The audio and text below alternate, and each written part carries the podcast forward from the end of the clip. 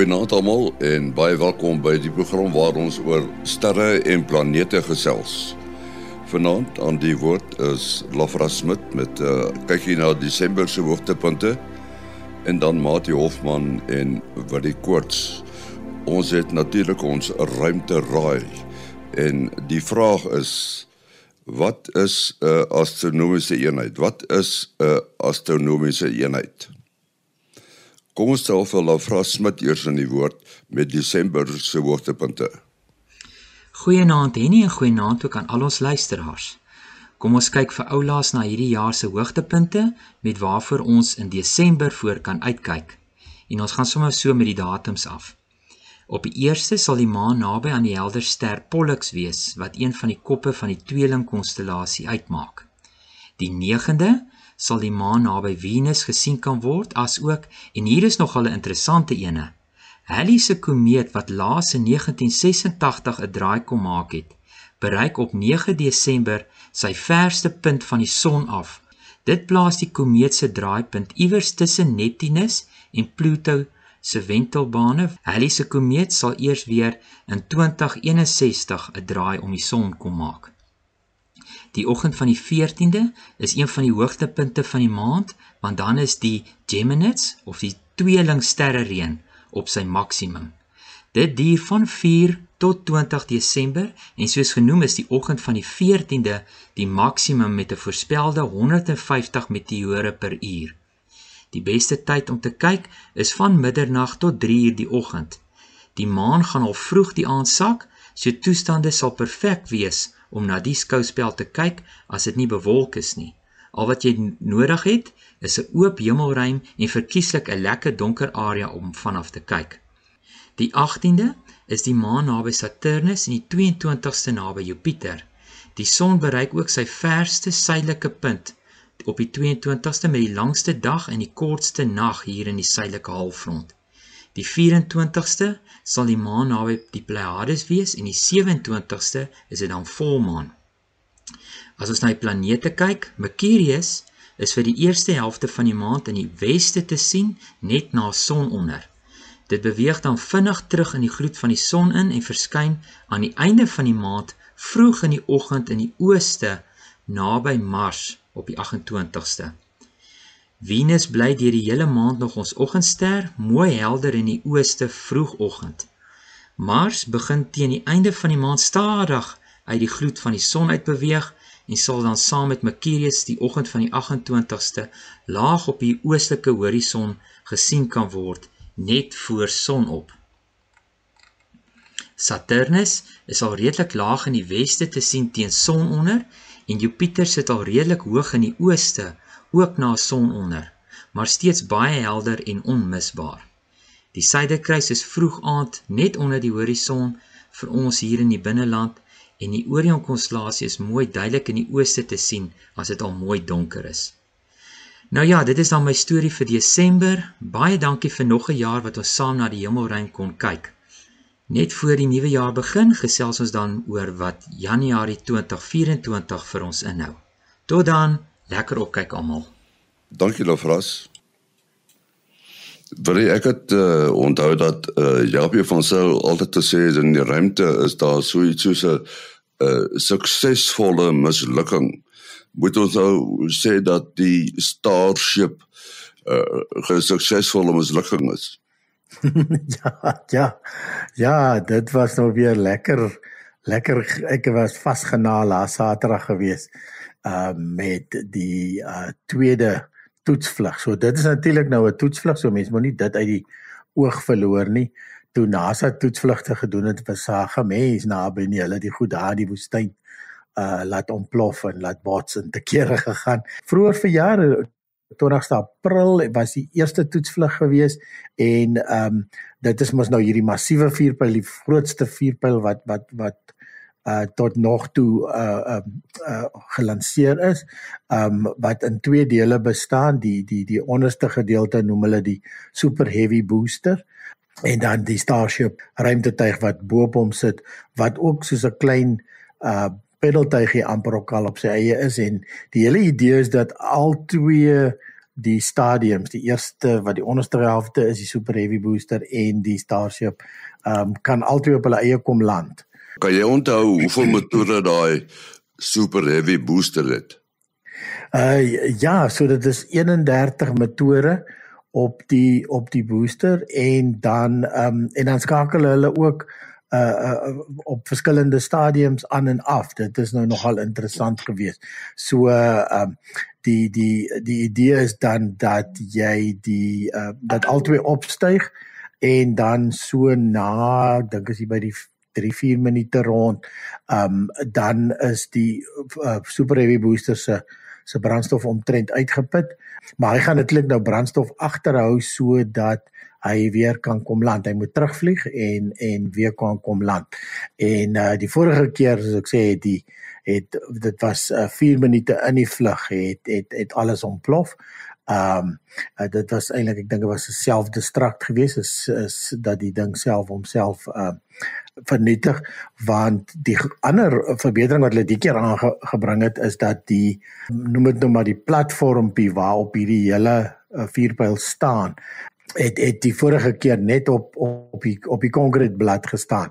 Dan is dit so 'n ring wat so end bokant uh die aanloopbaan of die sement dan nou uh uh um uh, uh, uh gehou word met met vier pote en dan staan die vierpyl daarop en dan is daar 'n hele toring langs aan waarmee hulle om mekaar sit. Nou hoor dit ook al sê die die en hulle dit al verwag dat die vorige keer wat gebeur het en wat die groot probleem veroorsaak het is dat die uh konkreet het het gedisintegreer en toe dan nou konkreet blokke die wêreld vol gevlieg want jy het nou hierdie 31 engines wat gelyktydig vuur en uh uh dit is 'n massiewe hoeveelheid stiekrag.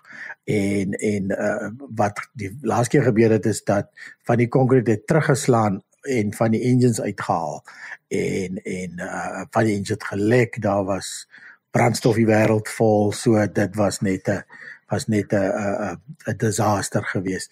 En uh, so die keer het hulle 'n waterstelsel en dis maar tipies wat jy sien met lanserings van die penaltye en so hulle hulle gooi 'n geweldige hoeveelheid miljoene pond sê hulle altyd so dit is nou ja dis seker nog meer liters uh water wat baie baie vinnig op die aanloopbaan gegooi word uh om hierdie skokgolf te hanteer en ook te verhoed dat die sement uitmekaar uitspat.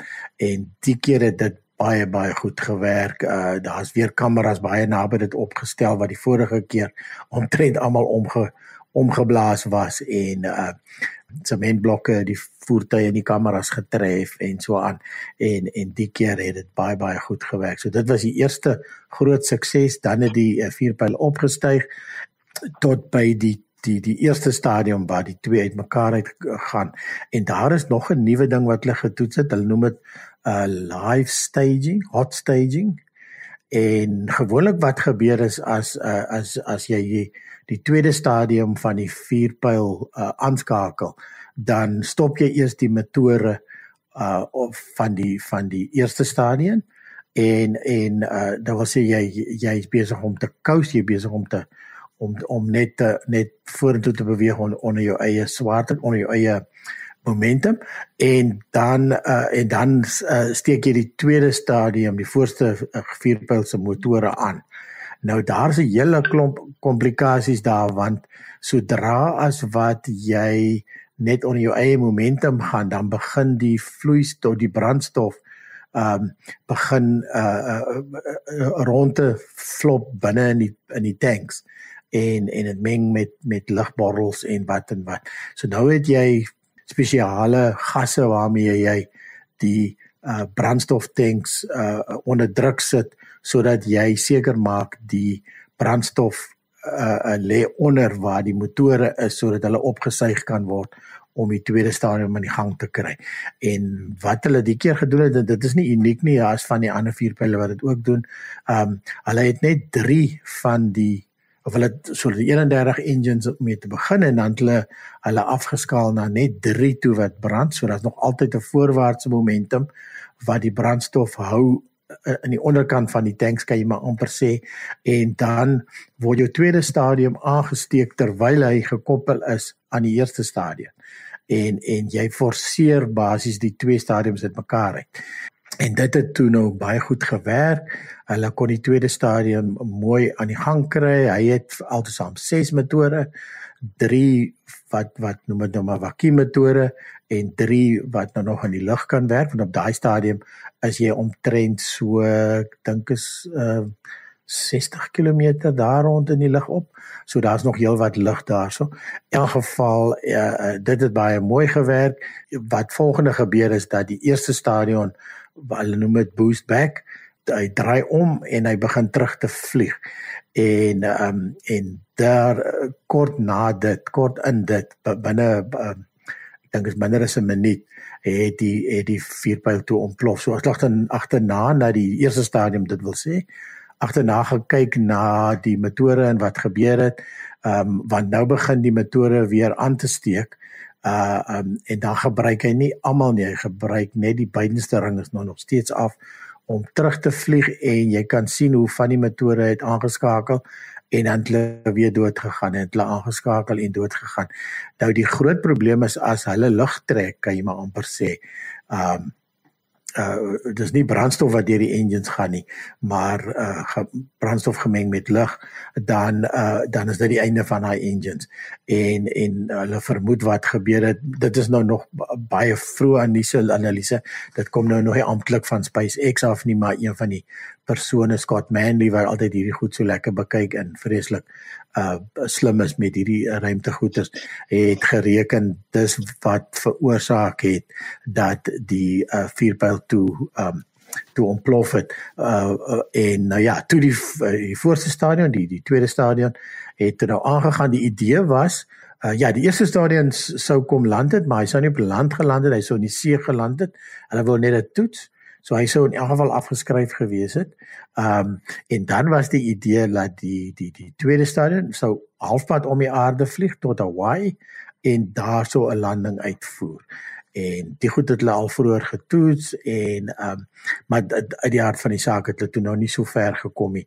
Kort uh, op die stadium was hulle omtrent so 128 km in die lug op. Ehm um, so dis nog nie heeltemal uit die atmosfeer uit nie, maar um de, definitief baie baie lig ligte atmosfeer kan jy dit amper stel het. En dit was die idee als was nog op skedule op daai stadium en um en toe het hulle kommunikasie verloor en um die vermoede is dat die voertuig het het ook 'n uh, 'n uh, bietjie van sy uh die stuurmeganismes het, het nie lekker gewerk nie. Hy het bietjie van koers af gedryf en toe het hy homself um self-destruct, so hy het homself uitmekaar het geskiet om as as 'n veiligheidsmaatreël want toe is hy eintlik op pad na Afrika toe en na ons toe. Maar dit het al in die dag gebeur so was so nou niemand sou iets gesien het in elk geval nie. So dis so omtrent toe nou halfpad al oor die Stille Oseaan waar hy toe tot sy einde gekom het. Baie suksesvol, baie goed was was suksesvol die verste wat so 'n vuurpyl al ooit gevlieg het.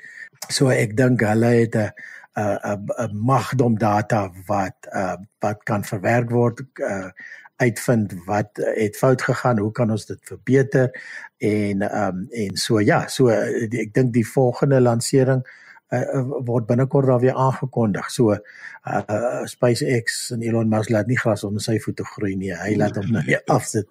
Mati ons het al dikwels in die program gepraat oor uh, hoe vuurpyle in die ruimte beweeg en toe die uh, begrip van 'n uh, ion motor ter sprake gekom. Nou lyk my hulle werk nog in dieselfde rigting. Wat is die jongste ontwikkeling daar? Ja, die uh, die mense is daarom vindingryk, né? Nee. In in hierdie geval is daar nou 'n uh, Spaanse maatskappy in uh, Barcelona met die naam Creios Space en hulle het nou 'n plan om 'n satelliet in 'n wat hulle noem 'n VLEO. Uh waar as ons van LEO praat, is dit die low earth orbit en die VLEO is very low earth orbit. Uh nou uh, die die idee daarvan is om uh, as 'n mens satelliete daar in 'n baan kan hou dan is dit 'n uh, eh, los dit 'n redelike of versag dit 'n redelike groot probleem die van uh die moontlikheid van uh, weet te veel verkeer in die leeu. Daar's baie baie satelliete in daardie lae lae baan en dan het jy nou die uh, probleem ook daai satelliete as hulle hulle lewe uitgedien het dan uh moet jy hulle kan uh verkieslik ehm um, genoeg brandstof oor hê dat jy hulle kan laat uh laat kan laat rem sodat hulle kan terugspiraal en uitbrand sodat daai baan nie te vol word nie. Nou as jy nou 'n satelliet aan die beweeg kan hou in die bietjie laer baan en dan praat ons nou 'n uh, uh, wil het nou nou genoem van hierdie ehm um, met die SpaceX eksperiment nou uh, uh, ongeveer 65 km nou die Leo baan is so van omtrent 160 km na omtrent 400 km. Nou die internasionale ruimtestasie is ongeveer daar by 400 km. Nou hulle het op 'n stadium uh, wil ek weet nie of hulle dit nog doen nie, maar hulle het hom ons destyds met die pendeltye bietjie uh kon 'n boost gee om bietjie kon hmm. stoot dat hy weer kan nou hoogte wen. Ek weet nie of hulle dit nou met die uh Russiese uh, kapsules wat hulle nou die Soyuz stye dit ook doen nie ehm uh, wat hy gemos nou redelike uh 'n remming ondervind omdat hy so groot is, weet baie groot ja. sonpanele en so aan. As jy nou 'n satelliet in die laer baan het waar daar nog steeds uh, alhoewel dit ruimte is, is dit nie 'n absolute vakuum nie. So die die weerstand wat die satelliete gaan ondervind gaan soveel meer wees as daar waar die ruimtestasie is en waar die meeste ander satelliete is nog 'n bietjie hoër hier na 600 km tot bo 1000 km as ons nou van die lae aarde uh bane praat. Uh so jy 'n mens moet 'n manier kry dan om die satelliet aan die beweeg te hou, uh maar jy gaan nou vreeslik baie brandstof hê. Behalwe as jy nou met 'n beter plan vorendag kan kom. Nou hierdie uh ingenieurs van uh Cryospace werk nou aan die tegnologie om die sogenaamde ehm um, praat van die IPT. Uh dit is die ehm um, inductive plasma thrusters. So is basies 'n uh, hulle uh, skeppe plasma uit die uit die lug uit uh, deur dit te ioniseer. Plasma is basies maar 'n gas wat geïoniseerd is en dan as jy kan jy deeltjies met elektriese velde versnel, die gelaaide deeltjies. En as jy dit nou uh versnel in die terugwaartse rigting, uh dan het jy 'n reaksiekrag in 'n teenoorgestelde rigting. Dis ook hoe 'n vuurpyl engine ook maar uh werk. Hy uh, uh teen 'n geweldige hoë druk en warmte blaas hy die brandstof wat ontbrand agteruit en dan jy die reaksiekrag in teenoorgestelde rigting die verskil is nou net by die plasma motor of die oonmotor uh is dit 'n baie baie 'n rustiger proses en 'n baie baie stadige versnelling. Maar as jy dit nou net teen die regte tempo kan aandryf dan kan jy dan in beginsel kompenseer vir daardie baie uh, uh, klein uh, bietjie weerstand wat jy van die dun atmosfeer beleef. Uh so as dit nou reg gekry kan word dan het jy nou die voordeel dat die uh satelliete met hulle waarnemingsinstrumente wat dan nou in hierdie geval spesifiek die aarde wil op 'n of ander manier bestudeer vir landboukundige doeleindes of vir weer of wat ook al omdat jy baie nader is kan jy dan baie hoër resolusie uh fotos kry uh jou kommunikasie is is makliker en dan het jy die bykomende voordeel as jou brandstof uiteindelik sou opraak dan gaan daardie satelliet outomaties begin uh, inspiraal en uitbrand. Uh, dan het jy nie 'n bykomende komplikasie dat jy nou moet uh, 'n plan maak genoeg brandstof moet hou om uiteindelik die uh die satelliete kan uit sy baan uit terug aarde toe dwing nie. Wat is die Europa Clipper? Ek weet Japie het destyds gepraat oor die projek wat hy dink hy ook aangewerk het en het ons uitgebrei vertel oor uh, hoe die dinge gaan gebeur. Maar nou sê hulle dat NASA is besig om werk te doen om ruimtebestraling uh, te voorkom op die Clipper of uh, in 'n geval te verminder. Ja, dis reg want um, ek en en soos jy sê Jaapie het altyd lekker hier oorgesels en en ook Jim en ek dink Jim was ook dalk betrokke by by van die goedes. Ja, so die Europa Clipper, Europa is een van um Jupiter se groot maane, die vier wat jy sommer met 'n verkyker kan sien as jy na Jupiter kyk en soos wat Lefras vir ons vertel het, uh, Jupiter se deesdae baie mooi geplaas vir observasie. Hy is omtrent heelnag uh sigbaar so gryp gerus jou verkyker en kyk 'n bietjie. Jy kan maklik vier maandjies rondom Jupiter sien met 'n verkyker. Maar in elk geval so Europa is nou soos een van die maane en wat uh vreemd is aan Europa is dat dit is basies 'n um 'n waterwêreld dit is letterlik uh, hulle vermoed ergens dieper in is daar 'n is daar 'n soliede kern. Uh van seker maar klip en metaal tipe ding, maar die hele oppervlak is bedek met een massiewe oseaan wat uh, toegeëis is aan die buitekant.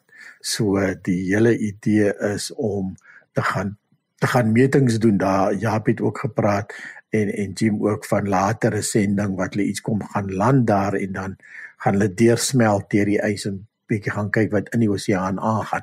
Maar hierdie is nou net eers uh, om rondom uh, Europa te vlieg en dan en dan metings en lesings te neem en en allerlei observasies te doen. So Jupiter het 'n geweldige sterk magneetveld, 20000 maal die sterkte van die aarde se magneetveld. En dit klink Jupiter draai ongelooflik vinnig om sy eie as binne 10 ure. Nou ons is dink hierdie massiewe planeet 300 maal groter as die aarde uh waar ons aarde 24 uur vat om in die ronde te draai. Uh draai uh Jupiter onder 10 ure om, om sy eie as. So die kombinasie van die geweldige sterk magneetveld en uh, die uh, uh baie vinnige draaiing uh veroorsaak 'n uh, uh, baie sterk uh stralingsvelde rondom rondom Jupiter en dan natuurlik ook die, die maan en um en wat hulle mag gedoen het met al die uh sendings wat al om uh Jupiter gevlieg het uh hierdie hierdie straling is geweldig uh en en sal 'n ruimtetuig baie baie vinnig beskadig.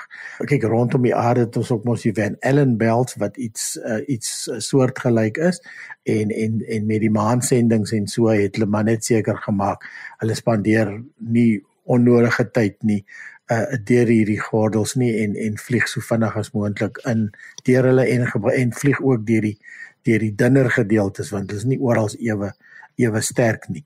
Nou by Jupiter het jy uh, moet jy dan die soortgelyk doen. So die Clipper sending gaan dan in 'n baie hoogs elliptiese baan om Europa gaan sodat hy basies gaan inkom, sy observasies doen en uitvlieg. En en dan en dan ek dink hulle gaan altesaam iets so 60 keer rondom rondom Europa vlieg uh, in en uit in en uit om uiteindelik die inligting vir, te versamel waarin hulle belangstel. So uh, die uh, ruimtetuig is op hierdie stadium nou so dat hulle al sy elektronika kon kon toemaak. Hulle hulle hulle het nou die deksel opgesit en uh, die beskerming uh, vir die elektronika uh, is 'n is 'n 1 cm dik wand um aluminium hulle praat hulle praat van 'n kluis. en dit is dan nou fisies om om hierdie elektronika te beskerm teen hierdie uh teen hierdie uh bestraling. Nou wat dit wat jy aan ja. die woord is. Ja. Ons ruimte raai. Wat is die antwoord? Die kort antwoord 150 miljoen kilometer of 8 ligminute. Maar okay, kom ons brei net so 'n bietjie uit.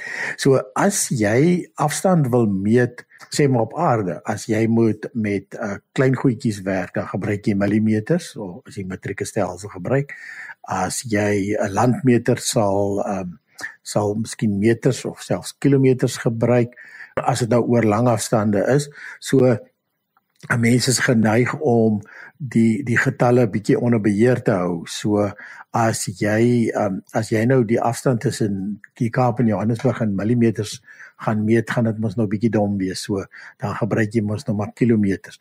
So as sodra jy in die in die sonnestelsel begin meet, so dis nou die son en die ag planete uh en ook eksoplan ag uh, dwergplanete en so aan ehm um, dan raak die kilometer ook 'n bietjie lomp. Ehm um, want die afstand tussen die aarde en die son is so gemiddeld 150 miljoen kilometer. So as 'n mens nou die afstand na na na Neptunus toe uh byvoorbeeld vat dan moet jy nou dit moet 30 maal so dan is dit 30 maal 150 miljoen kilometer. So dit is sommer baie makliker om te sê goed, kom ons vat die gemiddelde afstand tussen die aarde en die son um as ons noem dit een astronomiese eenheid. In Engels is dit 'n AU, astronomical unit. Dan is soos ek sê dit werk so rofweg uit op 150 miljoen. Die die regte getal is 149 miljoen 597 1871 km. Jy kan nou sien hoekom ons dit afrond na 150 miljoen toe. En ehm um, en dan die aarde se baan is eintlik nou nie heel sweries nie, is effens ellipties. So uh, uh by op die naaste is ons eintlik 0.983 astronomiese eenhede van die son af en as hy op ons verste punt gaan draai, dan is dit 1.017 astronomiese eenhede. Maar as ek sê dis dan die gemiddelde afstande. Ja, as jy nou kyk na die res van die sonnestelsel, Mercurius is so 0.4, uh Venus is 0.7, die aarde is natuurlik 1, Mars is 1.5 en dan het ons die groter afstande, Jupiter 5, Saturn is 9.5, Uranus 19 en Neptunus 30 astronomiese eenhede. So dis net baie makliker om dit in astronomiese eenhede uit te druk terwyl jy in die sonnestelsel werk met afstande. Maatie, wat is jou besonderhede? 'n Selfoonnommer 083625 7154 0836257154. Wat is? Is 0724579208. 0724579208. My nommer is 0825724170. 0825724170. Ons adres op die uh, internet is sterreplanete@gmail.com. sterreplanete@gmail.com. En as jy op die uh, Facebook bladsy wil gaan kyk, is dit Henny Maas en sy ruimtespan. Henny Maas en sy ruimtespan. Gaan kyk gerus daar. Dit bring ons dan aan die einde van die program. Tot volgende week. Alles van die beste.